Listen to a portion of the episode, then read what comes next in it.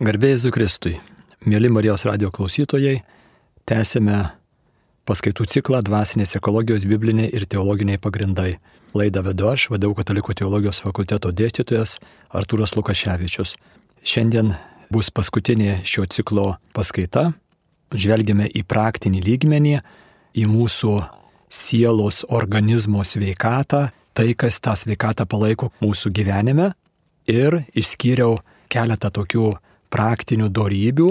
Praeitą kartą aptariau nuolankumą. Labai svarbi darybė, labai svarbi savybė, padedanti man būti sveikam dvasinėme lygmenyje ir labai Lietuvoje nesuprasta darybė. Tikriausiai tai yra viena iš priežasčių, kodėl Lietuvoje labai tas psichinės sveikatos lygis yra prastas ir turime labai daug susirgymų, nerimo, pykčio ir panašių dalykų. Nuolankumas, teisingas supratas nuolankumas. Labai svarbus yra. Šiandien kalbėsiu apie tris kitas darybės, tai bus dėkingumas, atleidimas ir skaistumas. Vėlgi, žvelgiame į žmogų kaip dviejų organizmų, tai yra fizinio kūno ir dvasinės sielos, vienovė, sąjunga, abu organizmai turi savo tam tikrus dėsningumus, tam tikras struktūras ir jeigu tie dėsningumai sutrinka, tai tie organizmai susirga. Arba mes, jeigu neklausome, nei, neįsiklausome į tuos dėsningumus, tai fizinėme lygmenyje gerai žinome, sveika mytyba, miegas, aktyvumas, jeigu sėdėsiu visą dieną prie kompiuterio, žinau, kad man bus negerai. Lygiai taip pat ir dvasinės organizmas, siela turi savo dėsningumus, kurių nesilaikant mano siela sutriks. Ir čia labai svarbus dalykas, nes žmonės klaidingai mano, kad užtenka tik tai Dievo atleidimą gauti. Taip, Dievo atleidimas yra labai svarbus, bet Dievas duodamas atleidimą už mano nuodėmės, tai yra mano dvasinio organizmo pažeidimus, jisai duoda man ir pagalbą, kurią vadiname malonę, tame organizme padarytas žaizdas gydyti, kad tas mano organizmas būtų sveikas ir aš daugiau savęs nežaločiau. Bet va šičia labai dažnai šitas elementas yra nepastebimas, kad Dievo malonė yra tam, kad aš gebėčiau būti laimingas šioje žemėje ir amžinybėje. Dangus prasideda šioje žemėje. Ir pragaras motinos Teresės žodžiais. Tai štai reiškia, žvelgime į tas dorybės kaip tam tikrus gebėjimus sveikai gyventi, tam tikrus išsiugdytus įpročius gerus sveikai gyventi dvasinėme lygmenyje. Lygiai taip pat, kaip turime išsiugdyti gerus įpročius fizinėme lygmenyje, pavyzdžiui, laiko eiti gulti, ar rytais padaryti mankštą, ar sveikai matyti ir taip toliau. Ir suprantame visi, kad jeigu aš pažeidžiu savo fizinio organizmo tvarką, tai nu, dera Dievo atsiprašyti už tai, kad, kad nesveikai maitinausi arba nebuvau saikingas valgydamas ir gerdamas. Taip, tikrai reikia atsiprašyti, tai yra nuodėmė. Bet Dievas duoda malonę, kad aš taip daugiau nedaryčiau, kad aš atstatyčiau savo fizinio organizmo tvarkingą gyvenimą ir būčiau sveikas. Tai va lygiai taip pat ir dvasinėme organizme. Taigi dėkingumas. Kas yra tas dėkingumas? Mano supratimu, šalia nuolankumo, to teisingai suprasto biblinio nuolankumo, apie kurį girdime Magnifikat Marijos giesmėje, kad jisai pažvelgia į savo tarnaitę, į savo nuolankę tarnaitę, arba kitaip būtų galima išversti į savo tarnaitės nuolankumą. Tai štai tas nuolankumas, kuris žmogus nusilenkdamas Dievui ir Dievo tiesai, tai yra realybei, taip kaip dalykai yra, jisai tampa labai stiprus ir jisai nenusilenks jokiam melui, jokiai prievartai, jisai nebus pataikūnas, būtent tas nuolankumas padaro jį labai, biblinis nuolankumas padaro jį labai stiprų. Vėlgi, čia kartuoju iš praeito karto, kas yra ir kas nėra nuolankumas, labai svarbus dalykas praktiniam lygmenyje mums. Dabar dėkingumas. Kita ypatingai, ypatingai svarbi mūsų sielos sveikatai savybė, tai yra gebėjimas nepriimti kaip savaime suprantamus gerus dalykus. Ir čia mes visi esame šitoje vietoje silpni, kažkaip mes labai lengvai tai, kas gera, priimame kaip man priklausančius dalykus, kuriuos aš esu nusipelnęs. Ir tai, kas bloga, jau be abejo, kad aš jaučiuosi labai nenusipelnęs ir turėtų man jų nebūti. Be abejo, tai nėra tiesa. Nėra savaime suprantama tai, kad pagalvokime taip paprastai.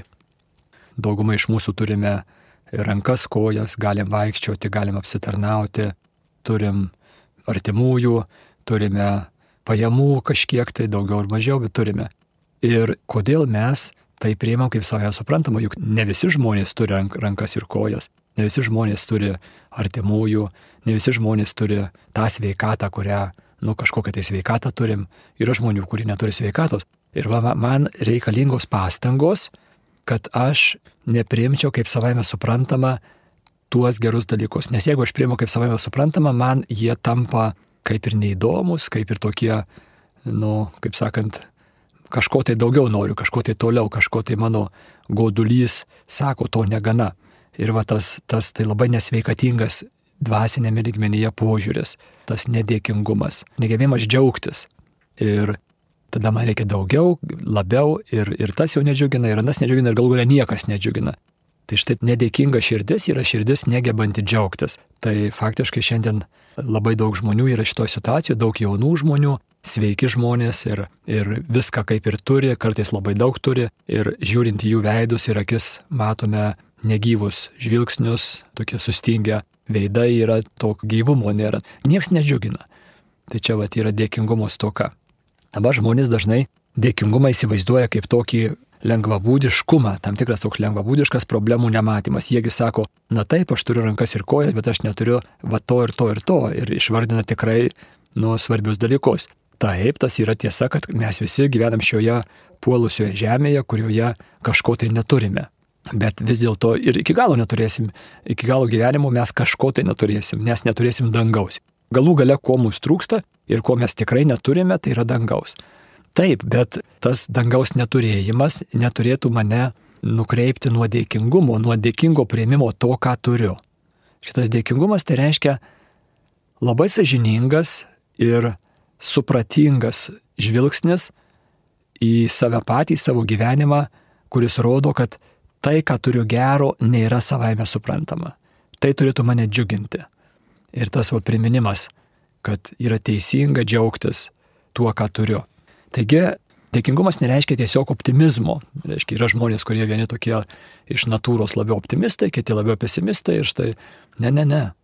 Dėkingumas yra toksai sažiningas pripažinimas, kad aš esu sveikas ar kažkiek sveikas, visi esam kažkiek tai ligoniai, bet kažkiek ir sveiki. Tai va tiek, kiek aš esu sveikas, tai nėra nei man garantuotai priklausantis dalykas.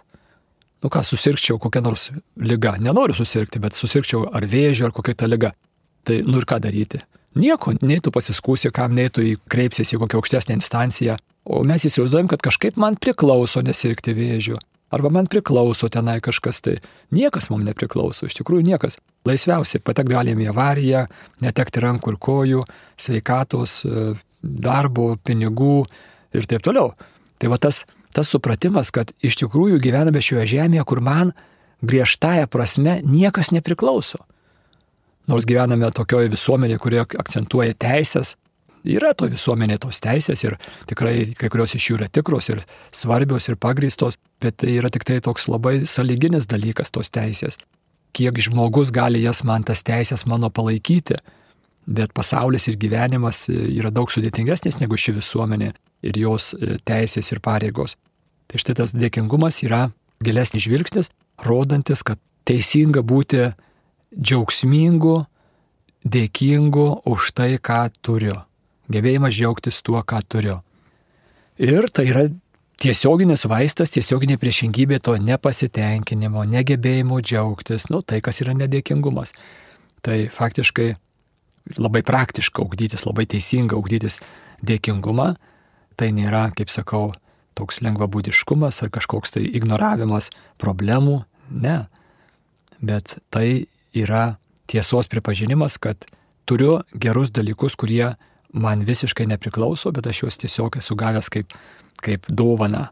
Tie, kurie tikime į Dievą, žinom, kad tai yra Dievo dovana, tie, kurie netiki į Dievą, gali sakyti gamtos ar, ar likimo dovana, bet netgi ir tie, kurie netiki į Dievą, reiškia, jie, jie turi šansą augdyti šitą sielos sritį per dėkingumą gyvenimui ar likimui ir kažkaip tai tai irgi svarbi dalis.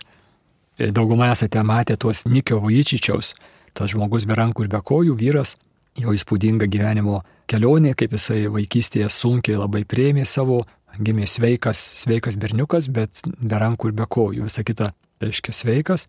Ir kaip jam vaikystė ir paauglystė buvo sunku, ir jisai buvo tikintis, tikintis žmogus, ir kaip jam sunkiai pavyko priimti šitą savo ir, ir jisai nusižudyti norėjo.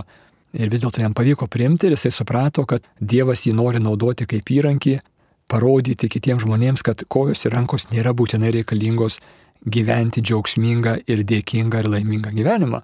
Ir pagalvokime, kokia gyvenimo užduotis, misija buvo keletą kartų Nikis Lietuvoje. Internete lengvai rasite susivedę jo Nikis Vujčičius arba, arba gyvenimas be rankų ir be kojų, reiškia, nesunkiai rasite, jo daug ir įrašų yra, daug filmukų prifilmuota yra internete. Ir tikrai tas žmogus, kuris apkeliavo pusę pasaulio, susitikdamas su įvairiausiais žmonėmis, ypač jaunimo, kurie depresijoje, liūdėsi, nusivylimė skendi. Ir jisai reiškia savo žodžiais ir savo gyvenimo liudijimu ir savo šypseną savo apkabinimu, be rankų apkabinimas. Pažiūrėkite, kaip atrodo, e, yra įrašai padaryti. Jisai sugražina gyvenimo džiaugsmą daugybei žmonių. Tai tikrai paradoksas, labai verta mąstyti. Aš pats tą darau. Kartais, kai koks liūdėsys užėna ar ką, prisimenu Nikį ar, ar pasižiūriu kokį filmuką su jo įrašu ir kaip žmogus, kuris atrodytų, kaip galima gyventi normaliai, laimingai ir jisai trykšta džiaugsmu, o aš turiu rankas ir kojas ir netrykštų džiaugsmu. Ir tada matau, kad problema yra ne išorėje, problema nėra tame, ką aš turiu ir ko aš neturiu. Problema yra mano širdyje. Ir aš galiu turėti rankas ir kojas, turėti milijoną eurų, pinigų ir ko tik nori ir būti giliai, giliai nelaimingas žmogus, nes mano širdis sirgs. Nedėkingumas yra labai svarbi širdies lyga.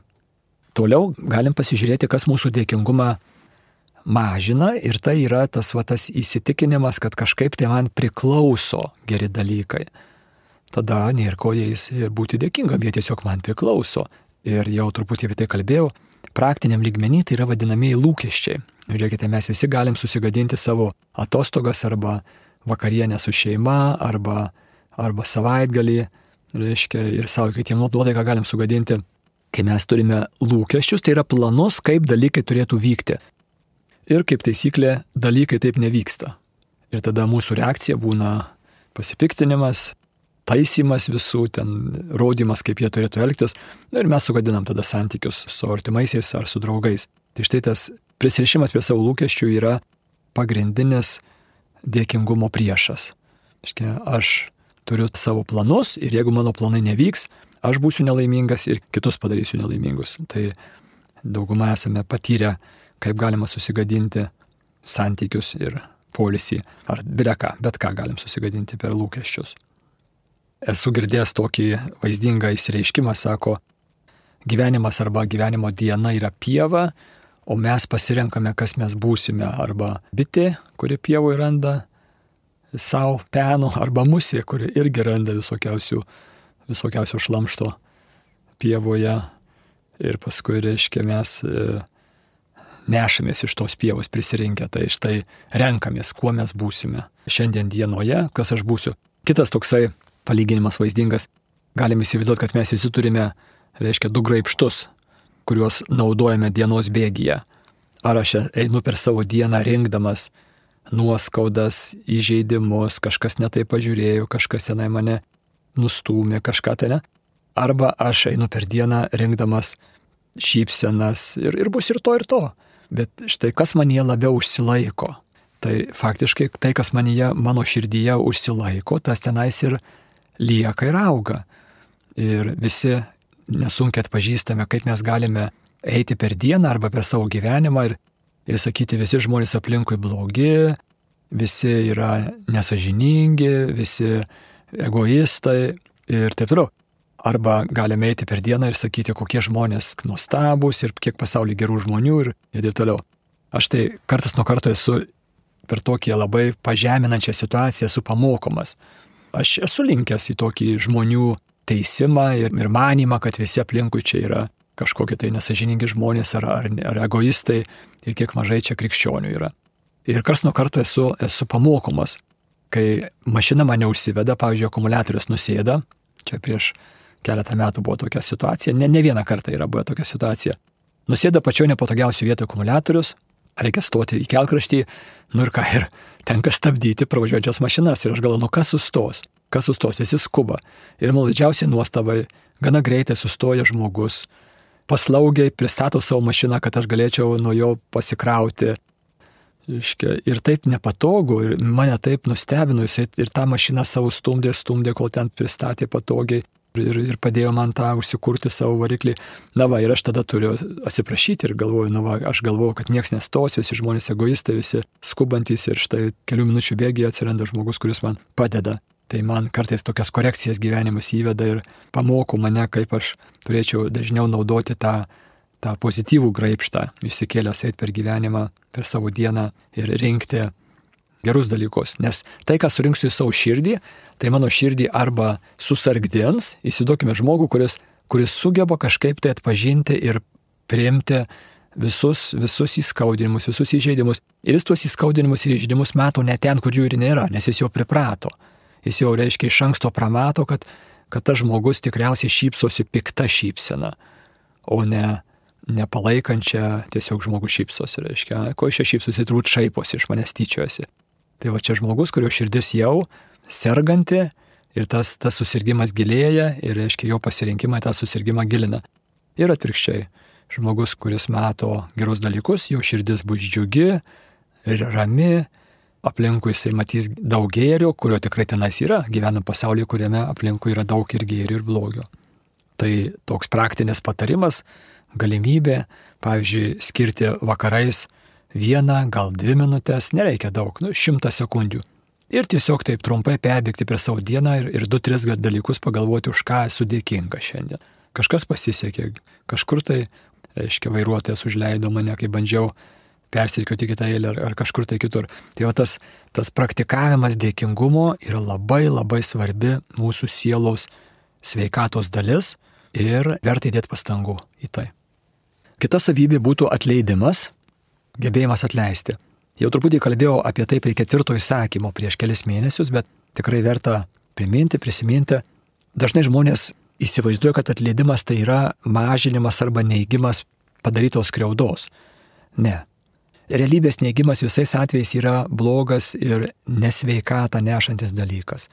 Bet atleidimas nėra neikti padarytą skriaudą.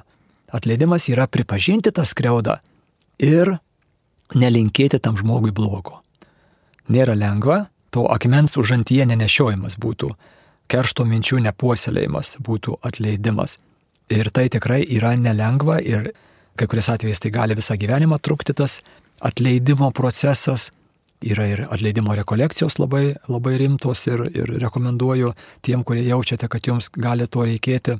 Atleidimas yra žmogaus paleidimas nuo skolos grandinės. Aiškiai, jeigu jis man padarė kažkokį tai blogį, tai jis tapo mano skolininku. Ir atleisdamas aš jį nuo tos skolos atleidžiu. Ir va šitoje vietoje manyje įsijungia labai gilūs dvasiniai dalykai, kodėl aš nenoriu atleisti. Reiškia, kodėl, kodėl? Todėl, kad per skolą, per netleidimą aš turiu jam tam tikrą valdžią. Reiškia, aš turiu tam tikrą galę tam žmogui. O mes visi esame, atsiminate, tas visi esame linkę į pripažinimą valdžią ir malonumus, PVM. -ą. Tai va tas valdžios turėjimas šiuo atveju realizuojasi tokiu iškreiptų ir nesveikų būdu, bet tai yra valdžia. Tai reiškia, tas, kuris man yra skolingas, kuris mane įskaudino, aš jam turiu valdžią, tam tikrą galę turiu. Ir aš nenoriu tos galios netekti. Ir aš sutinku pats būti tame pyktyje ir visi žinom, kaip tos keršto mintys ir, reiškia, nuolat tą prisiminimų katiliuką pakaitinu, ten, ką jis man padarė ir kaip jis man pasakė ir kaip mane pažemino. Ir, reiškia, ir tame tokiame tų pykčio minčių puoselėjime e, laikausi karts nuo karto. Kodėl aš tą darau? Tai mane patį daro nelaimingu, bet ir jį daro nelaimingu. Aš kentiesiu, bet tegul ir jisai kenčia. Esu girdėjęs, sako, net leidimas tai yra maždaug tokia laikysena, kad aš degu, bet tikiuosi, kad tu uždusi nuo dūmų. Na, aš sudegsiu, bet gal tu uždusi, aišku, niekas ten neuždus. Nuolankumas, atleidimas ir dėkingumas, mano supratimu, būtų praktinėme, kasdienėme lygmenyje mūsų sielos sveikatos ir psichinės sveikatos, kuri tiesiogiai kyla iš sielos sveikatos. Nu tokie kertiniai akmenys. Labai labai svarbus kertiniai akmenys. Ketvirtoji praktinė darybė, kuri šiandien man atrodo labai reikšminga, būtų jinai yra jau netokio pamatinio lygmens kaip nuolankumas, dėkingumas ir atleidimas. Šitie trys tai tokie yra tikrai tokie trys banginiai, be kurių, jeigu jų nėra, nėra ką kalbėti apie sielų sveikatą, nėra ką kalbėti apie psichinę sveikatą, apie ramybę, apie džiugesį, gebėjimą džiaugtis gyvenimu, nėra ką kalbėti.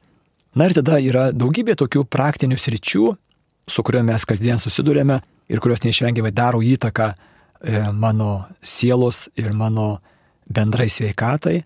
Tai iš jų paminėsiu tik tai vieną, tai būtų skaistumas. Irgi apie jį jau kalbėjau prieš e, keletą mėnesių, bet vėl šitame kontekste tokių praktinių darybių norėčiau, norėčiau paminėti. Tai skaistumas šiandien irgi yra nepageidautina dažniausiai savybė žmonės. Dėl ko? Dėl to, kad jie neteisingai supranta žmonės. Skaistumą supranta kaip lytinio potraukio neturėjimą, lytinių santykių neturėjimą, belytiškumą, lytinio malonumo nepatyrimą ir panašiai. Tai netiesa yra, skaistumas nėra nei lytinio potraukio neturėjimas, nei lytinių santykių neturėjimas. Skaistumas yra savo lytiškumo sutvarkymas pagal kurėjo planą arba savo lytiškumo priderinimas prie prigimtinio moralinio įstatymo. Kurėjas ir didysis tas mano ribų brėžėjas mane visą sukonstravęs pagal tam tikrą tvarką, Tomas Akvinitis sakytų, pagal amžiną įstatymą, pagal amžiną tvarką ir man jie visas aš ir kūnas ir siela turi tam tikras struktūras, kurios paklūsta tam tikriems dėsningumams ir mano lytinė plotmė taip pat yra sutvarkyta pagal kurėjo planą, kuries tą lytinę plotmę yra sutvarkęs. Ir jeigu tiesa, kad Dievas mane myli ir nori mano laimės, tai yra krikščionybės centrinė žinia, tai tada Dievas nori mano laimės ir lytiškumo plotmėje. Tai štai skaistumas būtų nekas kita kaip laimingumas lytiškumo plotmėje. Na, va, tai toks apibrėžimas skaistumo tikrai daugybė žmonių, didžiai daliai žmonių būtų tikrai naujas. Jie skaistumą įsivaizduoja kaip didelį nelaimingumą lytiškumo plotmėje ir pagal iškreiptą neteisingą Dievo įvaizdį, reiškia už tokį nelaimingumą mūsų laukia tų, kurie jo laikysis, nu laukia kažkoks tai atpildas, kažkoks tai prizas dangoje. Tai yra tokia karikatūrinė, iškreipta Dievo ir krikščionybės samprata, neturinti nieko bendro su tikrąją krikščionybę. Skaistumas būtų savo litiškumo sutvarkymas. O tai reiškia lytinio potraukio e, nukreipimas asmenų bendrystėj išreikšti. Lytinio potraukio nukreipimas stiprinti asmenų bendrystę. Tai reiškia nukreipia į kitą žmogų. Ir tas lytinio potraukio nukreipimas gali išsireikšti lytiniais santykiais, tai būtų santoka, vyro ir moters santoka, arba tai gali išsireikšti celibatiniu gyvenimu, kuris neneigia lytinio potraukio, tačiau jį perkeičia. Tas perkeitimas kartais vadinamas sublimacija, kartais kitais terminais išreiškiamas, bet tie žmonės, kurie pasirenka, pasirenka celibatinį gyvenimo būdą, tai būtų kunigai arba vienuoliai, kurie be santokos e, gyvena, tai jie irgi yra lytinės būtybės, turi lytinį potraukį ir tas lytinis potraukis yra geras ir sveikas, Dievo duotas ir teisingas, bet jie tą lytinį potraukį pasirenka, reiškia, neišreikšti lytinių santykių keliu. O kaip jį išreikšti? Jį išreikšti, kaip ir kitus mūsų troškimus, juos perkečiant ir nukreipiant kažkur tai kitur ar tai artimo meilės darbams, ar tai kūrybai. Ir tie žmonės, kurie turi pašaukimą, jie žino, kad tai įmanoma. Tie, kurie neturim to pašaukimo, gali mums atrodyti, kad čia tuščios kalbos ar kažkaip tai kažkokia tai poezija, bet ką tai bendro turi su realybė.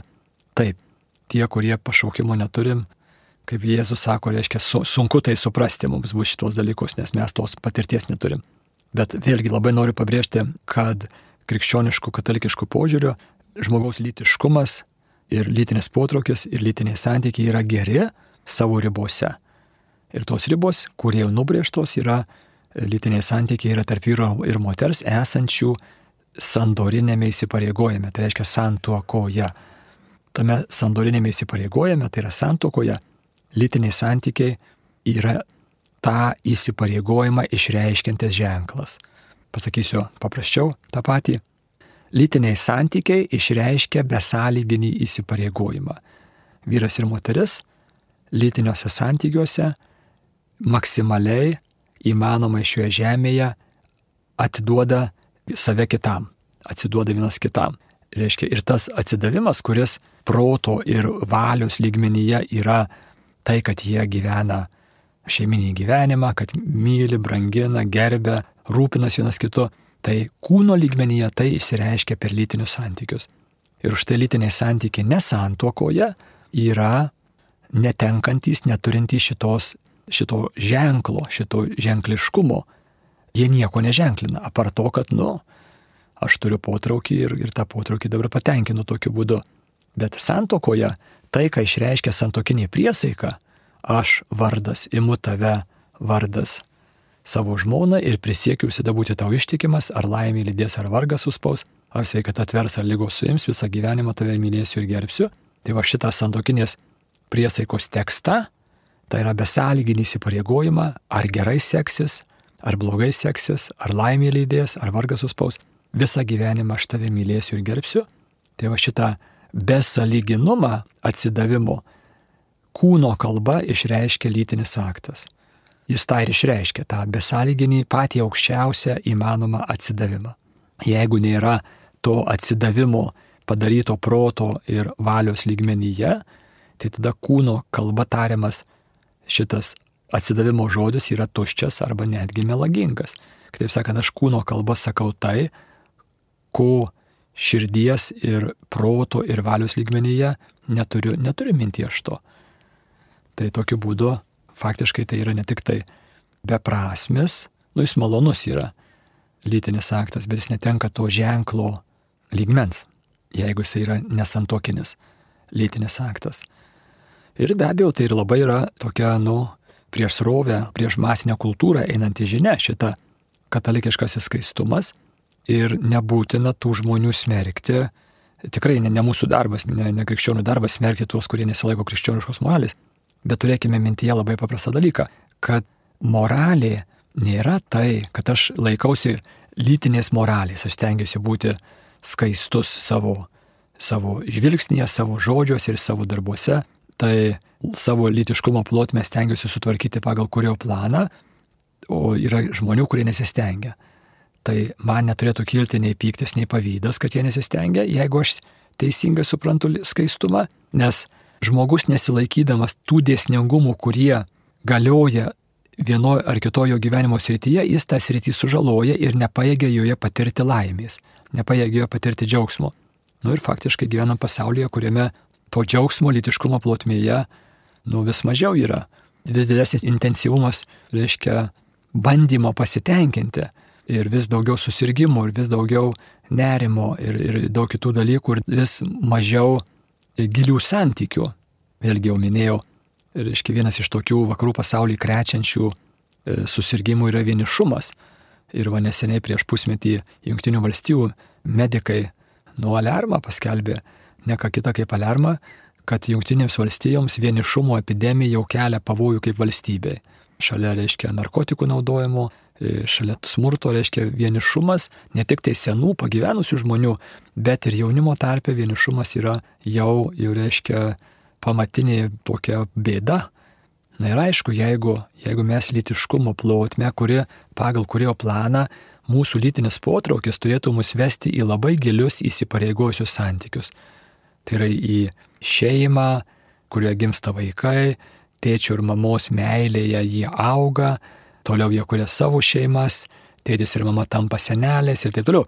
Ir reiškia, ir tokiu būdu vienišumo problema išnyksta pati savaime, nes per tą įsipareigojimą žmonės atsiranda giliuose santykiuose, kurie yra vienišumo priešnodės. Gilų santykiai yra vienišumo priešingybė. Bet dabar įsivaizduokime, reiškia, žmogų, nu tokį imkime kraštutinį atvejį, playboy, reiškia, vyras, kuris gyvena smagindamasis ir turėdamas, reiškia, ieškodamas daug lytinių malonumų, ir jisai savo litiškumo galę išnaudoja pramogavimui. Bet ta gale yra duota pagal kurio planą giliems santykiams užmėgsti. Gilų santykiai reikalauja įsipareigojimo, tai yra reikalauja samoningo savęs apribojimo su viena moteriam. Bet pleibojus to nenori. Ir jisai sako, ne man smagiau gyventi taip, tvarkoja. Bet dalykai taip yra sukonstruoti, dalykų tvarka yra tokia, kad jeigu tu savo lytinį potraukį iššvaistai pramogoms, tai tu neturi gilių santykių. Nes tam, kad užmėgstum gilius santykius, reikėjo save apriboti, ypač lytiškumo plotmėje.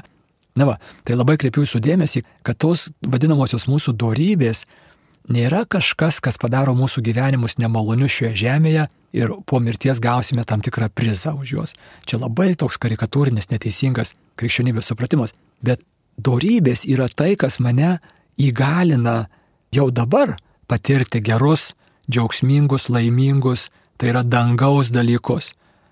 Ir skaistumas, tai yra savo lytiškumo plotmės sutvarkymas pagal kurio planą, yra tiesioginis priešnodis prieš vienišumą. O jeigu mano skaistumas, reiškia, jeigu mano dorybingas gyvenimas, mano dorybės manęs nedžiugina, tai kažkur tai pamatai yra kažkas netvarkoja. Ir tikrai daug žmonių šitaip yra, tikrai pažįstam žmonių, taip pagalvoja, galim prisiminti, kurie yra dori žmonės, bet kažkokie tai pikti, apkartę ir taip toliau. Tai va tos dorybės, kažkas tenais vėl yra giliai netvarkoj.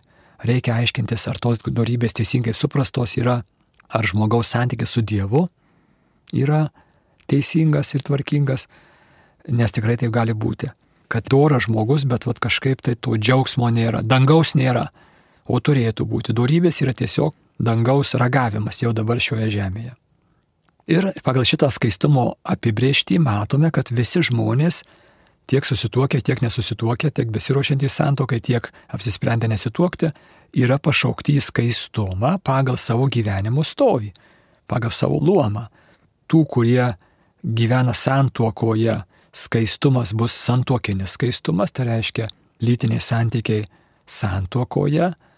Ir vėlgi tie lytiniai santykiai santuokoje nėra garantuotai skaistus, todėl kad jie irgi gali būti pilni egoizmo ir, ir reiškia nepagarbumo ir taip toliau. Tai tas skaistumas, taip, jeigu lytiniai santykiai yra nesantokoje, tai jie tikrai neskaistus yra. Bet netgi santokoje reikalingi ir kiti kriterijai, kiti dalykai, tam, kad tie lytiniai santykiai taptų asmenų bendrystės gilinimo priemonė, o ne žalojimo priemonė. Be abejo, tie, kurie yra nesantokoje, tai jų skaistumas reikštų lytinių santykių neturėjimą. Bet kreipkim dėmesį, lytinių santykių neturėjimas negarantuoja skaistumo. Žmogus gali būti neturintis lytinių santykių, bet labai neskaistus. Ir, ir čia vėlgi tikrai tokia epideminė problema vakarų pasaulyje, tai yra pornografija, didžiulis vartotojiškumas lytinių santykių srityje ir esu skaitęs įsivyščiusiuose šalyse, pavyzdžiui, Japonijoje, daug vyrų, jaunų vyrų, 20-30 mečių vyrų nėra lytiškai santykiavę, nes jų lytinis potraukis yra pilnai užgožiamas, pilnai nukreipiamas į vartotojišką savęs patenkinimą per pornografiją. Ir vėl, vėl vienišumo tragedija iškyla, reiškia tas žmogus, kuris, tas vyras, kuris tą potraukį kuriejų ir gamtos duotą kaip įrankį, stuminti jį užmėgsti artimus santykius su įsipareigojusius santykius su moterimi, reiškia jisai šitą savo sritį nukreipia, reiškia, malonumui, pramogavimui ir gilios bendrystės neišugdo. Gili bendrystė yra sunkiai pasiekiamas dalykas ir vienišumas yra neišvengiamas. Taip pat toks svarbus praktinis dalykas, e, tyrimai rodo ir gerai žinoma yra, kad neskaistumas yra dažniausiai susijęs su žema savivertė. Ypatingai pornografija, toks palaidas ilgesys yra susijęs su žmogaus negebėjimu save tinkamai vertinti. Ir todėl skaistumo ūkdymas turi eiti kartu su savirties ūkdymu. Taigi skaistumas, kreipkim dėmesį, pirmiausia yra mano širdies pozicija, vidinė nuostata. Tai yra apsisprendimas jis nėra tiesiogiai susijęs su lytinių santykių turėjimu neturėjimu. Kaip matome, santuokoje lytiniai santykiai skaistumo nepažeidžia. Tai reiškia, pamatykime, kad skaistumas nėra vien tik tai fiziniai jo išraiška lytiniais santykiais arba tų santykių nebuvimu. Ir skaistumas yra toks nevartotojiškas požiūris į lytiškumo plotmę.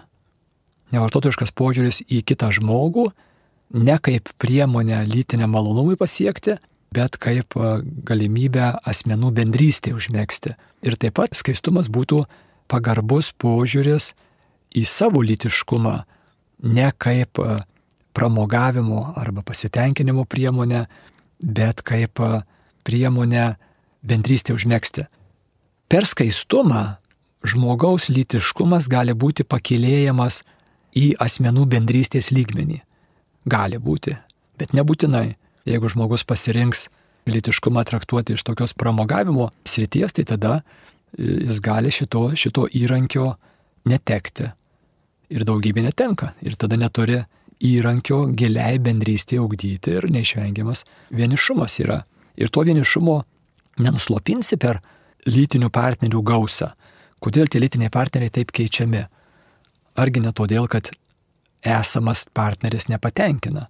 Jeigu esamas partneris patenkintų, tai argi jis būtų keičiamas.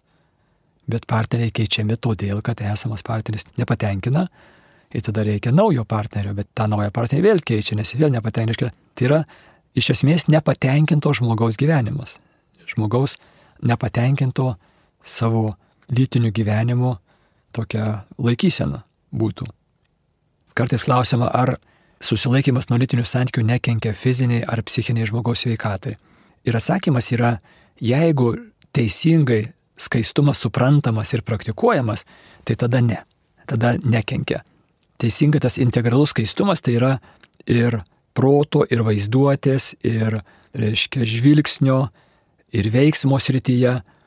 Ir jeigu žmogus laikosi teisingų nuostatų šitose visose plotmėse, tai tada susilaikimas nėra, nėra kenksmingas. Bet jeigu e, žmogus e, leidžia savo vaizduotėjai, savo žvilgsniui vartoti lytiškumo plotmę, tai tada be abejo, kad, reiškia, nu, kokią pornografiją žiūri, reiškia, visas organizmas fiziškai pasiruošia lytiniam aktui ir dabar, reiškia, tų aktų neturėjimas tikriausiai kenkia ir fiziniai, ir paskui ten visokios bėdos ir fizinėje, psichologinėje plotmėje. Bet jeigu žmogus laikosi skaistumo nuostatų integraliai, tai tada e, skaistumas yra didelis e, džiaugsmo ir ramybės. Na, įsivaizduokim žmogų, kuris, reiškia, leidžia savo pornografiją naudoti ir pornografija yra, reiškia, godumas e, lytinio malonumo. Godumas ir, ir tas godumas niekad nepatenkinamas yra. Vis dar ir dar reikia ir paskui priklausomis atsiranda. Tai tas nepasitenkinimas neišvengiamai jisai neš nerimą ir darbingumo sumažėjimą ir nepasitenkinimą esamais santykiais. Jeigu žmogus žiūri pornografiją ir susituokęs turi žmoną, nu tai ta žmona niekada negalės pasiekti tų pornografijos žvaigždžių lygio, kuris ten dažniausiai yra dirbtinis kompiuteriu, reiškia padidintas, lytiniai organai priklijuoti ir padidinti, vėl reiškia tam, kad atitiktų tam tikrus standartus masinės kultūros. Bet tas visas dirbtinumas niekada negalės konkuruoti su realybė, kuri yra kukli ir, ir, ir turi visus tuos, tuos materijos paprastumo, realumo bruožus, kurių stokoja tas dirbtinis iliuzinis pasaulis. Taigi skaistumą būtina susijęti su vaizduote, ypatingai vyrai, kurie esame labai vizualūs Ir jeigu, jeigu leidžiame mums, kad masinė kultūra arba reklamos arba ideologijos, reiškia, per vaizduotę įneštų į mano vidų tą vartotojišką požiūrį, į kurį mes kaip puolę vyrai, kaip nuodėmė sužeisti vyrai esame linkę, tai be abejo ramybės mums bus sunku pasiekti. Ir šito vietoje svarbi, svarbi praktinė tokia, nors ir siaura, bet reikalinga darybė, vadinamasis drovumas, Tai yra tam tikras pagarbus santūrumas lytiškumo srityje. Kalbos lygyje, apsirengimo lygyje. Tas drovumas nereiškia, kad mes turime visi apsirengti maišais ir dabar, e, reiškia, gražios jaunos moterys turi čia kažkaip tai savo grožiai slėpti. Ne. Drovumas reiškia neskatinimas vartotojiško požiūrio. Ir čia reikalinga tam tikra tokia, nu, tam tikras menas. Drovumo plotmėje tikrai katalikybė neskatina jaunus žmonės, jaunas moteris E, mergina slėpti savo, savo, reiškia, kūno grožį. Bet kaip tą kūno grožį taip e, į viešumą atnešti, kad jisai keltų džiaugsmą ir, ir Dievui garbę duotų, o ne neskatintų vartotojišką požiūrį. Tai čia yra nelengvas, bet išsprendžiamas uždavinys. Iškia drabužiai, elgesys, gali ir turi būti gražaus žmogaus, gražaus jauno žmogaus, toksai, kad jisai būtų skaistus. Ir visi esam patyrę tai ir viena ir kita pusė, kaip jaunas žmogus, jauna mergina, yra graži ir toks vat, lengvumas, džiaugsmingumas iš jos trykšta, arba vulgarumas ir, reiškia, ir kažkokia priešingybė džiaugsmo iš jos, reiškia, gali trykšti. Tai tas, tas žmogaus vėlgi kaip vidus nulėmė to žmogaus tokį nu, buvimą šiame pasaulyje. Tiek gražus žmogus gali būti pakilėjantis aplinkinius, tiek gali būti tai, kad jisai skatina tokį vartotojišką požiūrį į šitą svarbę sritį. Tai šalia šitų darybių turime dar visą eilę kitų ir turime, reiškia, gražiausių žmonių darybės katekizme ir maldaknygės ir tai labai svarbus dalykai, bet dažniausiai reikia juos teisingai suprasti. Tai ačiū, kad klausėtės šitos paskaitų laidos. Dvasinė ekologija, ją skaičiau aš, vadovau Katalikų teologijos fakulteto dėstytojas Artūras Lukaševičius. Likite sveiki.